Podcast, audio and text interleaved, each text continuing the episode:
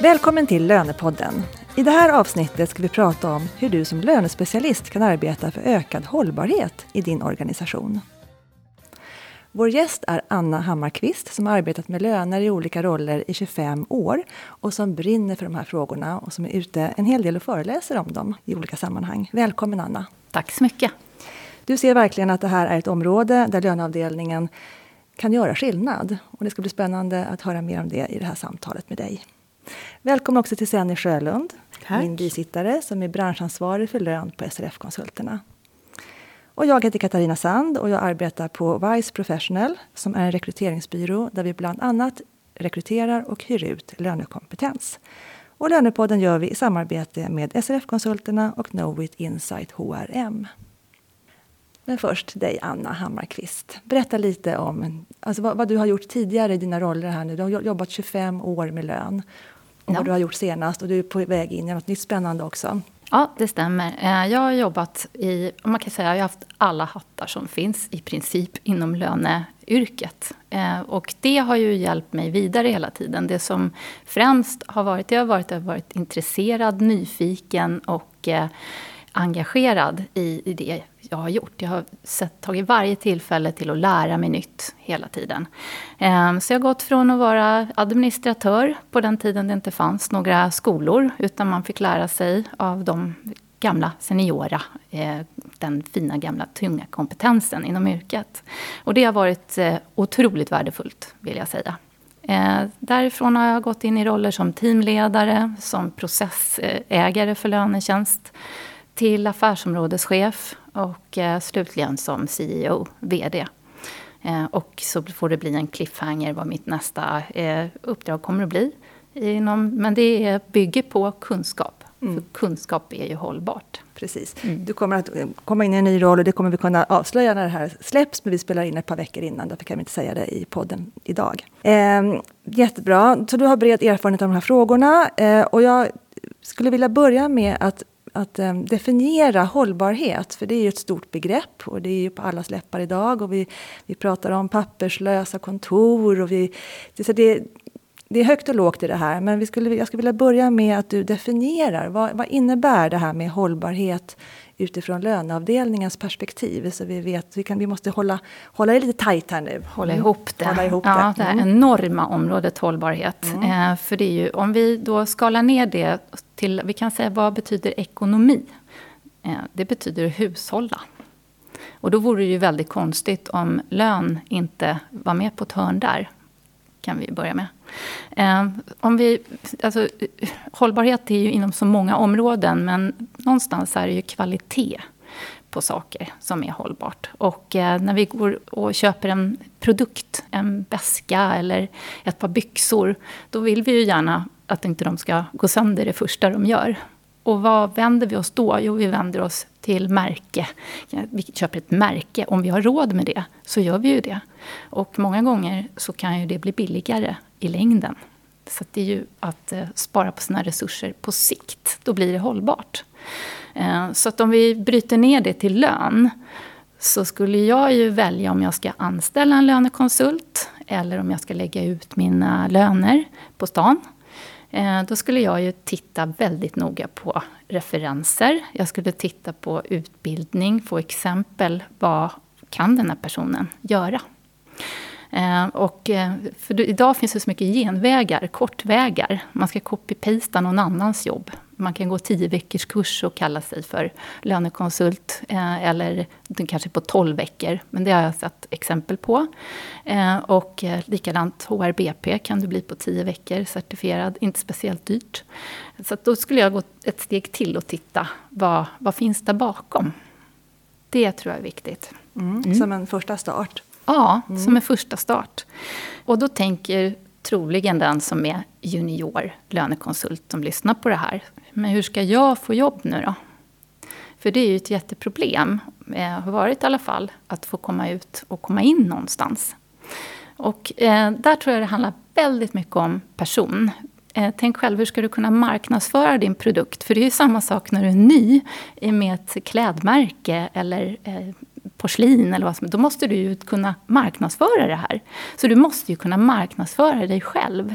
vem är du? Och, och, på riktigt, står du för, för det du säger att du kan? Jag, menar, jag ser på LinkedIn idag, kan eh, jag ser någon som skriver att jag är lönekonsult. Okej, okay, och så tittar man så då har de precis börjat utbildningen. Ja, men då kan du inte säga att du är en lönespecialist eller lönekonsult. Säg att du är studerande, att du brinner för det här. Tala om vad, vad det är egentligen. För det kommer att komma tillbaka till dig eh, ändå. Mm någonstans måste du stå upp för din kunskap. Mm, jag förstår Anna. Eh, det gäller ju då att ha bra kompetens på sin löneavdelning, det är liksom grunden. Och vad kan man sen, hur går man sen vidare för att arbeta med ja, hållbarhetsfrågorna i ett större perspektiv? Vad kan man som lö, på lön göra för att eh, bidra till att man ser de här frågorna ute i organisationen? Mm. Jag backar tillbaka då tills när jag började som eh, löneadministratör.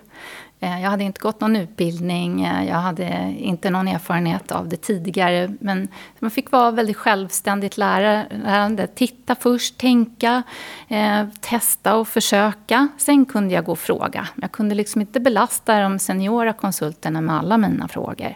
Utan jag fick tänka själv först. Då reflekterade jag över, vi skulle göra ett semesterårsskifte. Och jag visste att man fick spara semesterdagar i fem år enligt lag. Eh, sen skulle de betalas ut i pengar. Och då såg jag ju att en av de absolut högsta cheferna i bolaget hade alla sina semesterdagar kvar. Eh, han hade inte tagit ut en enda semesterdag på fem år. Det låg kvar 30 dagar varje år. Eh, och det byggde ju en enorm post i semesterskulden när, när det är eh, högre upp i företaget. Och ja, det, det, förstår alla som håller på med det här, vilka pengar det är. Eh, och sen kan man ju undra, det fanns ju en ekonomiavdelning där också och en HR-avdelning.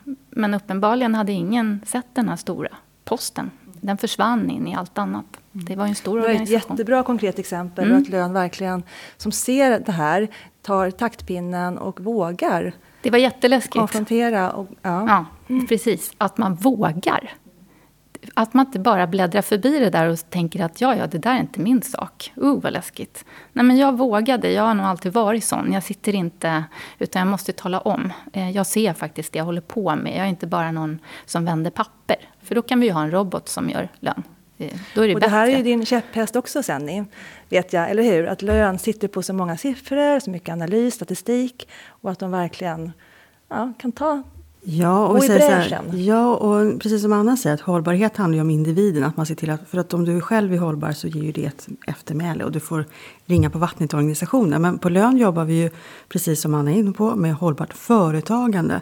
Men vi är också extremt bidragande till ett hållbart samhälle. Och tittar man på, på om man nu ska gå upp igen i, i, perspektivet hållbarhet så handlar det ju väldigt mycket om att vi, vi tittar mycket på klimatfrågor när det gäller hållbarhet. Men hållbarhet är ju så mycket mer, för det handlar om att vi ska ha jämlikhet, vi ska ha bra förutsättningar mellan män och kvinnor, etnicitet, socioekonomiska faktorer. Och där är det så att lön har en jätteviktig roll. Vi är samhällsbärare, det har vi sett under corona.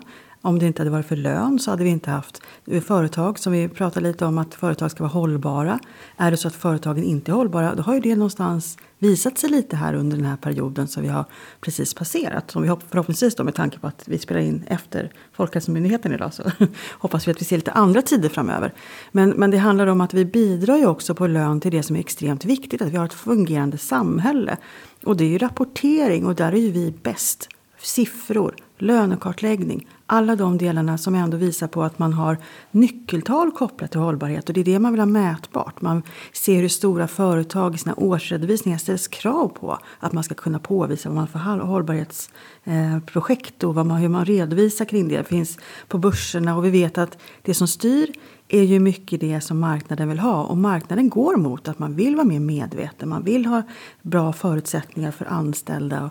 Jag såg precis nu en, en artikel i morse om det här med hur man utnyttjar arbetskraft i stora viktiga företag som ses som, de ses som hjältar, de här stora vederna som liksom driver fram jätteapparater. Jag behöver inte säga att något företag specifikt men sen vet man att villkoren för de som jobbar där är sämre. Och här mm. kommer ju lön in. Vi kvalitetssäkrar ju lön. Vi ser till att det är schyssta villkor. Vi ser till att de anställda får lön på rätt sätt. De får rätt lön. Vi jobbar gentemot svartjobb. Vi har liksom de delarna som någonstans går in i hållbarhet som man kanske inte tänker det första man gör på. Utan man tänker, ja men vi är duktiga på papperslöst. Ja men det var ju ganska länge sedan vi pratade om det. Eh, vi, vi är duktiga på att att se över hur vi kanske äter och vi ska, man pratar matsvinn. Där har ju du jättemånga bra praktiska exempel på vad man kan göra på löneavdelningen vet jag. Mm. För det där har ju du drivits av länge i det, det här. Ja, eh, alltså det är som barnsben så ligger ju det här eh, gröna perspektivet i mig just med, eh, då menar jag inte att jag är miljöpartist, utan jag menar att jag gillar det här återbruket. Alltså cirkulära ekonomin, för det är det. Linjär ekonomi är ju ganska köp, slit och släng översatt är ju, det kan vi inte hålla på med längre. Det är ju faktiskt bara ett ansvar som var och en måste ta. Vi får hitta på andra saker. Och det är jättekul att titta på Draknästet. För då ser vi vad 19-åringar kan åstadkomma. Och det sånt, sånt tycker jag är, är en väckarklocka. Eh, och, eh, nej, vad, vad, jag gjorde i, på mitt eh, förra jobb, eh, där jag var VD, eh, då miljöcertifierade jag oss. Och vi var den första lönebyrå som blev miljöcertifierad. Och det var Breakit som då har något som heter Breakit Impact Challenge, där man går igenom, man genomlyser hela, alla sina processer. Leverantörer, inköp, policies, som resor till exempel. En riktig tankeställare. Man allt från ända ner till att sortera sina sopor på ett korrekt sätt. Mm. För det du sa leverantörer nu, hur tänkte ni då? Tänkte du systemleverantörer? Nej, den typen? Allt, det här är ja. ju ända upp i alltså, elleverantörer. Och, okay, hela då, kontoret? Ja, hela kontoret. Ja. Inköp av datorer. Där kan du som lönekonsult själv ta ditt ansvar, oavsett vad du jobbar med. Måste jag, vad, vad behöver jag för material? Behöver jag en ny mobil nu? Kan jag vänta lite? Kan vi skjuta lite på inköp? Kan vi lösa det här på ett annat sätt? Det går om man orkar. Så jag skulle nog våga påstå att vi måste orka lite till mm. i det här. Mm. Då kan vi göra och sen kan vi gå då, ett, som vi pratade om, mm. ett steg längre. Eh, att man tittar då på sjukskrivningstal. Mm. Eh, om det är någon som kanske, en avdelning där det slutar väldigt många. Ja, precis. Mm. Så kan man tänka mm. där? Mm. Där har ju vi, det, exakt, det är jättebra att du tar upp de bitarna. För där måste ju vi inom lön samarbeta med ekonomi och HR. Eh, det är inte alla företag, alltså vi är på olika nivåer och har också olika organisationer som är olika stora och jobbar olika nära eller jättelångt ifrån varandra. kan sitta i olika länder också. Eh, jag skulle vilja vända på det. Ställ frågan till din ekonomiavdelning eller HR-avdelning om det finns en sån. Eller till chefen, eh, den, ja, din ledning. Är det någonting som jag kan hjälpa er med som ni känner att ni skulle behöva få fram siffror på som har med personalkostnader att göra? Börja där. För då får du lite hjälp på traven. Ja, vi har sett att eh, sjuklönen går upp här. Alltså vi har sjuklönekostnader som vi inte brukar ha. Okej, då kan jag som lönekonsult gå tillbaka till mitt bord och ta fram, för det har jag väl på ett konto. Eh, och titta. Och sen kan jag borra ner och titta. Kan jag kanske härröra det till en speciell avdelning? Kanske till en speciell chef. Eh, om det är personalomsättning som har tagit fart, eh, var det en speciell avdelning det skedde på? Ofta har ju vi koll på det här redan innan, för man hör snacket. Oj, vad det börjat eh, komma många nya och avslutade, vad mycket slutlön jag gör. Ja, det är nog för att eh, den här chefen började på lagret där. Han verkar inte så smidig. Eh, och man får höra, vi får ju mycket samtal och mejl och sådär också från anställda. Så ibland får vi höra mer än vad vi vill höra. Men, men gör något bra av den informationen. För då bidrar du faktiskt till någonting bra. Det är ju inte att lägga sig i eller att eh, prata bakom ryggen, utan du bidrar ju med någonting då. Och det är det jag skulle säga som är just den här proaktiviteten som, man, som vi brukar efterlysa. Det med att man inser att man ser någonting som kanske inte andra är medvetna om. Och jag tror också att det är att vara medveten om att hållbarhet är så mycket mer just utifrån löneperspektivet. För jag tror inte alla tänker på att sjuktal, ja men det är kanske hållbarhetskopplat. Jo det är det. Mm. Eh, rapportering till Skatteverket är också en typ av hållbarhet. Vi bidrar på de olika delarna och ska vara stolta över det. I de delarna. Att som du inledde och sa så tycker jag det är så fantastiskt just när du säger det, ekonomi, hushållning. Mm. I det här med att man är, är smart i hur man hanterar resurser både på individ, samhälle och organisationsnivå. Det är ju där man måste hjälpas åt. Mm. Och lyfta blicken och tänka om man verkligen inventerar då och ser vad gör vi inom hållbarhet i de delarna. Att det är mycket mer än vad man tror. Och det är sånt som är bra att tydliggöra och bli transparenta med gentemot andra avdelningar. För då kan man också visa på, vi på lön, vi tänker på det här. Precis, du lyfter ju dig ja. själv och, och helt plötsligt får organisationen upp ögonen för dig. Och den frågan kan du ju ställa även om du är alldeles ny på lön. Vad finns det för utmaningar i det här företaget? Har vi, vad har vi för kostnader? För kostnader är ju otroligt roligt om man kan kapa. Och då kan man ju titta hur stora är de här kostnaderna just nu? Okej, behöver du hjälp av mig? Ja, så kanske jag får hjälp av mina seniora lönepersoner. Och sen så tittar vi efteråt. Vad hände med de där siffrorna? Vart det någon skillnad? Ja, men då kan man ju stå väldigt eh, stolt på lön och säga att vi var med och, och, gjorde den här skillnaden. Och de här pengarna gick in i organisationen i form av någonting annat värdefullt. Som utbildning till exempel. Utveckling som vi måste göra så mycket eftersom det händer så mycket runt oss hela tiden. Och även de mjuka värdena då, som alltså hållbarhet går in i employer branding. Du kommer ju ha en del nyanställda som kanske ställer krav på att man kan påvisa om du har, vi vet att det är brist på lönekompetens. Är det så att du är en arbetsgivare som jobbar aktivt med de här frågorna, en mm. löneavdelning som visar på att även om det är sånt som kanske flera löneavdelningar gör, så sätter man rätt etikett på det och säger att det här är hållbarhet för oss. Då visar man ju på att man är medveten om den frågeställningen. Och jag är helt säker på att den generationen som kommer liksom efter den här. De, de är ju liksom uppfödda med den här ja. eh, diskussionen kring hållbarhet, miljöfrågor och ser det här i ett större perspektiv. Man diskuterar ju mycket mer kring, som det här handlar om, som du brukar prata om också Anna, det här med värderingar. Det är ju det det grundar sig i. Mm. Och att, att lön, om man tittar på när Sverige har sin agenda gentemot FN och andra, hur vi lever upp till det som man sätter upp i den delen. Innan jag började titta på Agenda 2030 som var så specifikt, då mm. tänkte man fortfarande miljö bara ja. så här, miljömål, klimatutsläpp. Alltså, vi, vi tänker bara en, en, annan sak på lönesidan. Jobba för rätt typ av tjänstebilar. Eh, där kan man vara med och påverka liksom, och visa på ekonomiska utfall. Men också, nu kommer det lite regler som gör att man ska liksom underlätta att man väljer rätt typ av miljöbil. Men ha, vad har man för policies kring kollektivtrafik till exempel? Kan man lyfta vilka förmåner som är intressanta? Mm. Det finns ju många sådana saker som som om man skulle sätta upp en lista på vad man skulle kunna tänka sig. Ta en workshop på löneavdelningen. Mm. Så här. Vad har vi som påverkar hållbarhet? Hur, hur länge har man liksom pratat om det här i lönebranschen? Alltså, har du hållit, hur länge har du varit ute och föreläst om de här frågorna? Anna? Det är ju nytt. Alltså, man säger så här, det är ju tyvärr så att, som sen säger värderingar, det, de trendar ju. Så helt plötsligt blir hållbarhet någonting som är trendigt. Och det gläder mig eh, att det får upp i rampljuset. För att det har alltid legat mig Eh, varmt om hjärtat, som jag sa, sen barnsben. Och det, det är så skönt eh, med, med de här värdeorden eh, som, inom hållbarhet. De behöver vi inte tävla med varandra i. Eller vi kan tävla, men i en positiv bemärkelse. Vi behöver inte konkurrera, vem som gör grönast lön eller som är mest hållbara. Utan det gynnar ju oss ju alla. Däremot slår det tillbaka på alla oss människor om vi inte efterlever det här. Så att där kan man ju också våga säga att det här företaget säger att de är hållbara. Jaha, hur då? Kan ni ge mig exempel? När du är på anställningsintervju, fråga. Hur jobbar ni med de frågorna? Uh, vad jobbigt det blev säkert här och där.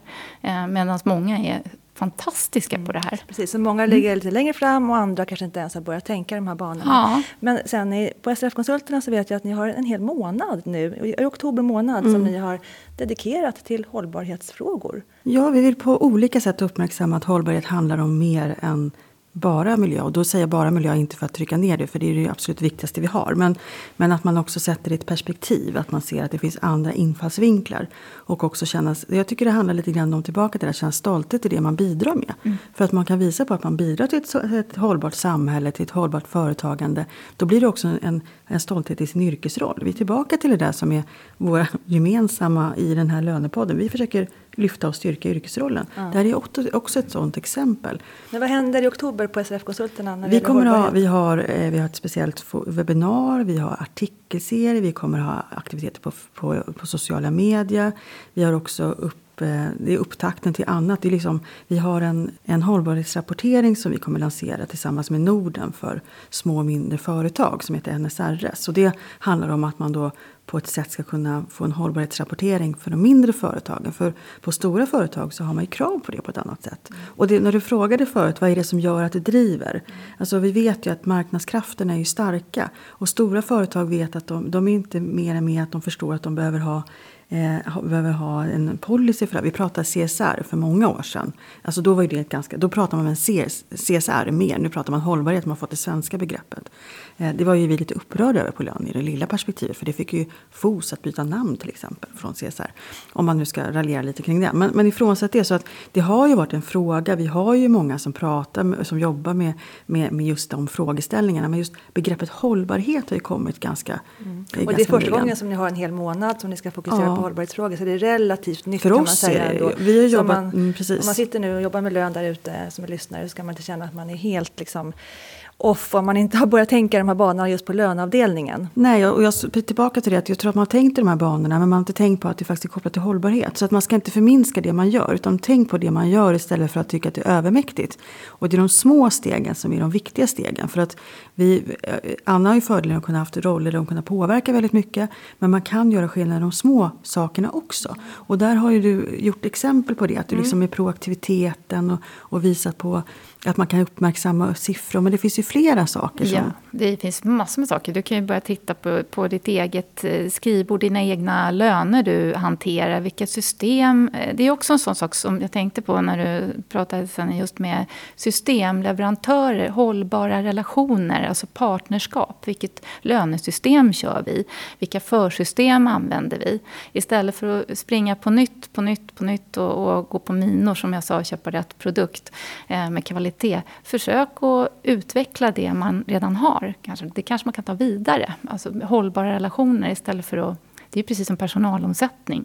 Försöka vårda det man har och utveckla det tillsammans. Mm, det. Mm. det. är jättebra. Och jag tänker också robotisering, automatisering. Exakt. Hela det liksom, Hela arbetssättet det. gör ju att man blir mer hållbar också. Kan jobba med andra och saker. Ja, ta, ta, ta vara det vi har hamnat i nu mm. med, med covid som gjorde att vi fick jobba hemifrån. Nu fick vi veta igår att eh, när vi, här, när vi spelar in den här podden nu då. Igår så sa de att nu är det fritt fram för att jobba på kontoret igen. Okej, hur kommer det att se ut? Troligen helt annorlunda. Hybridlösningar kommer det vara på många ställen. Här är ett ypperligt tillfälle. Nu har jag suttit hemma. Jag tror inte alla har sin bokhylla hemma som de hade på kontoret med alla pärmar och papper och gem och gummisnoddar. Gå tillbaka till kontoret och låt de där grejerna gå in i kretsloppet igen. Titta om det är något du ska scanna in istället, om det är okej. Okay. Lär dig om arkivering. Kolla där. Då har ju du tagit ett superansvar för dina, ditt eget skrivbord. Börja där. Jag tror att vi ibland tänker för stort och så orkar man inte för att man inte förstår och det är förkortningar och jag vet inte vad de pratar om det är NSRS och GRI och allt det här. Det blir som för mycket för mig, jag förstår inte. Men jo, men du gör det. Börja med det du ser och har runt dig. För det är det det handlar om egentligen. Så att det, jag tror att vi måste göra lite, då, då gör vi mycket tillsammans. Det, det, det är inget floskler utan det funkar så. Och lite uppmaning till branschen där. Liksom. Det är återigen någonting där man kan stiga fram och ta ett gemensamt branschansvar. Mm. Att man visar på att lön är viktigt. Eh, sätt på dig hållbarhetsglasögonen så kommer du se saker på ett annat sätt. Mm. Eh, identifiera, stärka varandra, se det här gör vi. Mm. Och, och se till att ge lite ryggdunk när vi ser att vi gör någonting bra. Att det, det är också hållbarhet, att man man ska göra saker och ting roligt också. Det tror jag man, man tappar. Det, det blir, om man tänker, man ser ju diskussioner, det blir ganska mörka tankar när man pratar om hållbarhet. För man ser liksom orosmoln, mm. fysiska sådana till och med. Att man känner liksom att nu kommer det väderomställningar och annat. Mm. Och då måste man också lyfta det som är positivt. Och det tror jag är jätteviktigt. Att inte det här blir som en våt filt som ligger, åh nu ska vi jobba med hållbarhet också. Ja. Utan mer tänk, men vi gör redan det idag. Inventera. Det är verkligen upp... Inventera ja. och, och, ställ krav på din arbetsgivare. Så här, nu har vi skalat ner kontoret här. Jag, jag har kastat alla mina papper papper och eh, skrivbordet. Eh, vi kunde köpa mindre skrivbord för vi, vi har inte en massa papper längre så att vi klarar oss. Vi jobbar på dubbla skärmar, vi har inga skrivarkostnader längre. Vi köper inte dyra toners. Eh, det blir inte en massa spring i trappor utan det blir arbetstid istället som det blir effektivare. Våga fråga, vad, vad händer med pengarna då? Vad, vad, kan jag få gå en utbildning? Vad händer? Utveckla sig vidare? Vad, vad gynnar det företaget på ett bra sätt? För gynnar det en person att en person fick mer i lönekuvertet, det är inte speciellt hållbart. Heller. Där har du den här cirkulära ekonomin också. Våga, sen, vara, våga ifrågasätt. Och Precis. tänker mm. också bara säga det där med, med diskussionen du pratade om, där, återgång till arbetet. Mm. Hur mycket mindre påverkar vi kollektivtrafiken när vi sitter och Exakt. jobbar hemifrån? Det är ett argument också in i det här hur man ska jobba distans eller inte. Mm. Eh, I, i man, kanske rör, man ska ju röra på sig men man kanske inte rör sig till bussen utan man tar en promenad istället. Mm. Eh, sen ska man inte underskatta vikten av att träffas, så det är inte det jag menar. Men just det här med att man ser ju ändå sådana effekter också in i det här. Det kan vara en del av hållbarheten att man faktiskt får en mer flexibel liksom vardag. Mm. Och man kanske minskar i andra delar också. Det är väl aldrig så, vanlig, så liksom viktig eh, sägning tror jag som där många bäckar små. Det blir verkligen, verkligen tydligt i det här. Mm. Och sen har man också en chans, alltså jag, tänker jag, att kroka arm både med HR mm. och med ekonomi. Mm. Och kanske med IT också. Mm. Jag tänker på, de här, alltså, på de, den mängden med, med statistik och siffror. Mm. Eh, att man tar tillvara dem nu verkligen och gör någonting tillsammans med de andra avdelningarna. Ja, för det att som, man blir starkare på det sättet. Ja, och det jag tänker på när du, när du säger det, det är också hur många gånger det är så att man köper in ett HR-system utan att prata med lön. Och man sitter med dubbla system som faktiskt eh, spottar ut samma data. Eh, så att, eh, där har vi enorma resurser att spara om vi gör det tillsammans. Vad är det vi behöver och vad är viktigt för det här företaget? Och då måste vi blanda in ledning och eh, ekonomiavdelning i det arbetet också. Så att, det... det vore väl fantastiskt om vi på, på kunde uppmana lyssnarna att ge det bästa grön lön-tipset på Instagram och Facebook. Så vad har du för bästa tips? Ja, det är jättebra. För mm. grön lön är född, det är ju faktiskt Sennis, det var det som droppar den. Det, det, tycker jag är så roligt. Formulera det en gång till då i podden. Ja. Eh, om alla kan ge sitt bästa grön löntips eh, till varandra så vi sprider hur vi har hållbarhet inom lönebranschen. Mm. Det vore väl fantastiskt. Mm. Om man hade den ansatsen. För jag tror att det här är, det här är ett typexempel på att man måste göra saker tillsammans. Mm. mm. Och om man har ett bra tips, och jag vet att Anna du har ju en, en liksom fika för.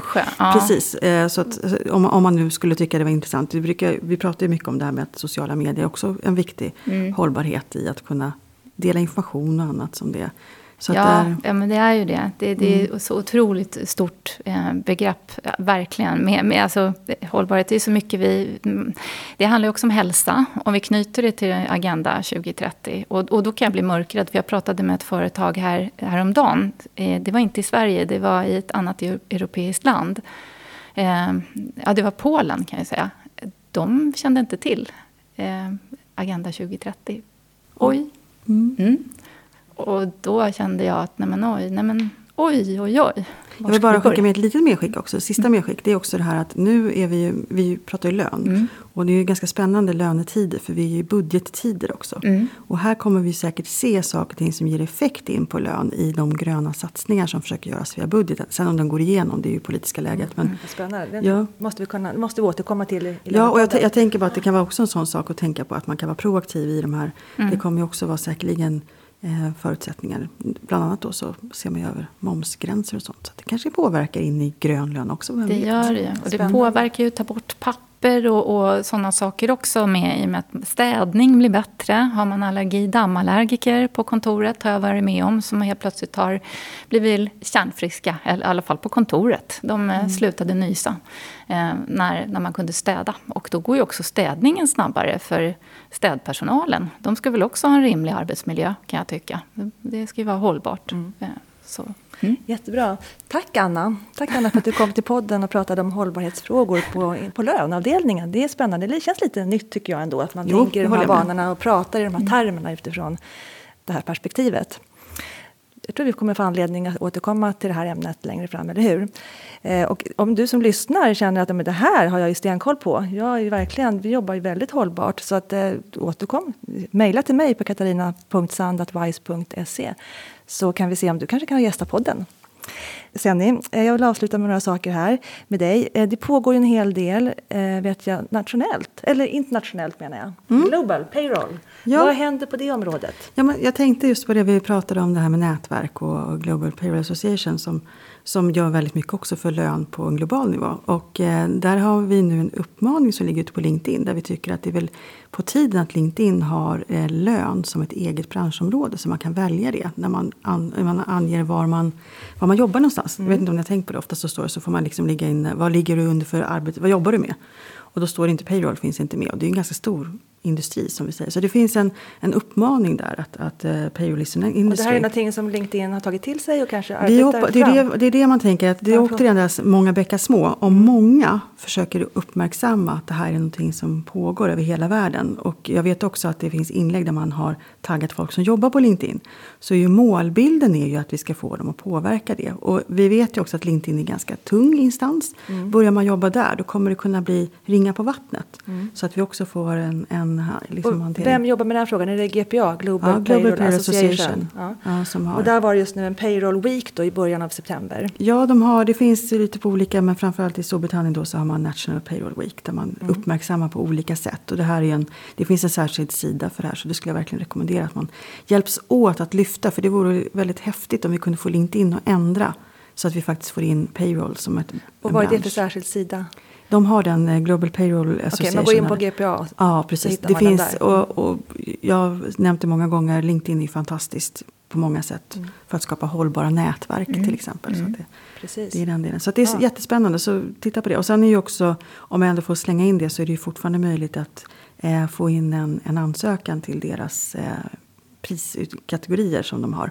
G GPA ja, Awards. Awards som är, ja. skulle säga att det är som Löns Oscarsgala nästan. Där vi har en, en, eh, deltagare i det här avsnittet som har blivit belönad många gånger. Mm. Ja, det är med olika organisationer jag har jobbat i som mm. vi har blivit prisbelönta och jag själv också mm. har ju vunnit Global Payroll Manager of the Year. Mm. Vilket eh, också bygger på kunskap. Så man får ju det, det, är återigen det. Bygg på din egen kunskap, ditt självledarskap. Och jag tänkte payroll-industrin, mm. då måste vi ju ha en produkt mm. som bygger på kvalitet och miljö. Så det, nu ska vi ju ha grönlön. Mm. Jättebra. Och sen vill jag avsluta med en efterlysning. Jag söker nämligen en gäst på temat Hur får man ledningsgruppens öra som lönechef? Så om du lyssnar på det här nu och är lönechef och känner att du har fått liksom, öra hos ledningsgruppen, så skulle jag gärna se att du kommer till Lönepodden och berättar hur du har gjort och vilket, vad, vilket gehör och vilken ja, status du har i ledningsgruppen och i din organisation. Det vore jättespännande. Så hör av dig till mig då på katarina.sand.wise.se. Tack så mycket till Anna Hammarkvist, till Senne Sjölund och till Henke, vår producent. Och sen ses vi nästa månad igen. Hej då! Hej då!